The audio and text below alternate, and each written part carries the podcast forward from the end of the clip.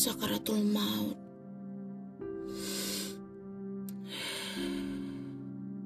Nafasku perlahan mengudara entah di mana. Nadiku lumpuh tertarik ombak DNA ke satu arah. Jibunan pedang terasa menghujam, hentikan sumber kuasa. Gugup menggigil tak berani kehilangan nyawa. Ada isak terbisik di telinga sebagai penutup tawa sekian lama. Terketuk daun pintu minta dibuka. Tegak sesosok gagah yang menyeringai pada satu per tiga jiwaku yang resah. Kelopak mata bertengkar pada retina yang enggan bersemayam dalam gelap. Ketakutanku diwakili oleh keringat yang keluar dari pori dengan rasa nyeri. Langkah padat seirama dengan denyutku yang lambat perlahan mulai mendekat.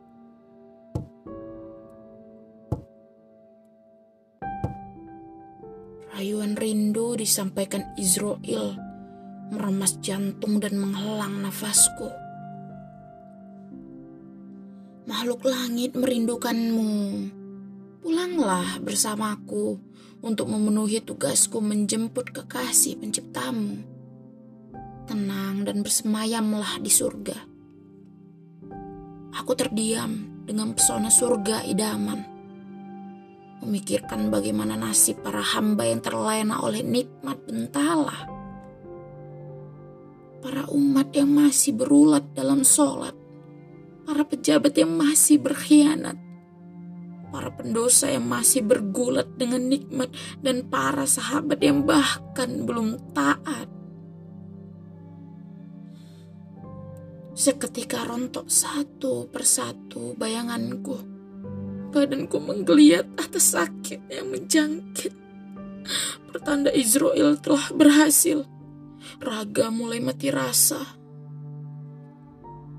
tanpa sengaja dengan berbekal sepenggal emosi yang tersisa. Allahu Akbar. Begitu cintanya kau padaku. Aku bukan tak mau bersemayam di dekatmu. Tapi bagaimana dengan umatku? Umatku yang akan kurindu. Hujamkanlah, tusukkan dan sayatkan 600 pedang itu padaku jangan pada umatku. Tapi apa? Tapi apa ya Muhammad? Semua tameng yang kau bangun hancur bobrok digrogoti rakusnya sendiri. Agama ini terlalu suci untuk kau titipkan kepada kami yang terlalu keji. Kini, nahkoda perjalanan dakwah terletak pada tangan yang tak beragama pada Nietzsche yang melahirkan Zarathustra.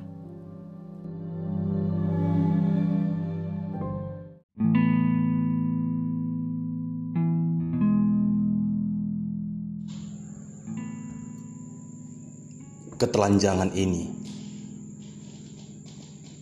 semakin suram untuk didengar, tetapi rongga semakin melebar. Manusia itu berkata kepadaku, Lalu bagaimana denganku? Yang seakan-akan dia lupa akan dirinya. Lalu aku berkata kepadanya, "Telanjanglah dan bukalah apa yang bisa kau buka." Aku tak memaksa kehendaknya. Bila mana ia ingin telanjang, dengan sukarela ia telanjang di depanku tanpa diduga. Nafasku merintih dengan luka yang dia alami.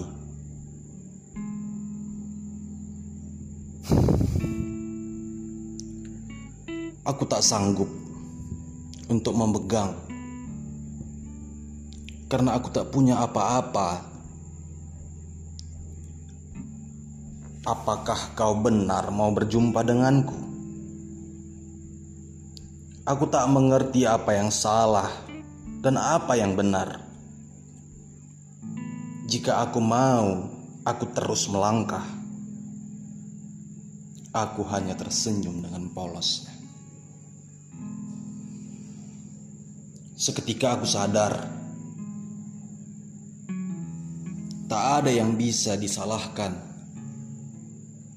dan ternyata aku juga polos. Lalu kami telanjang bersama.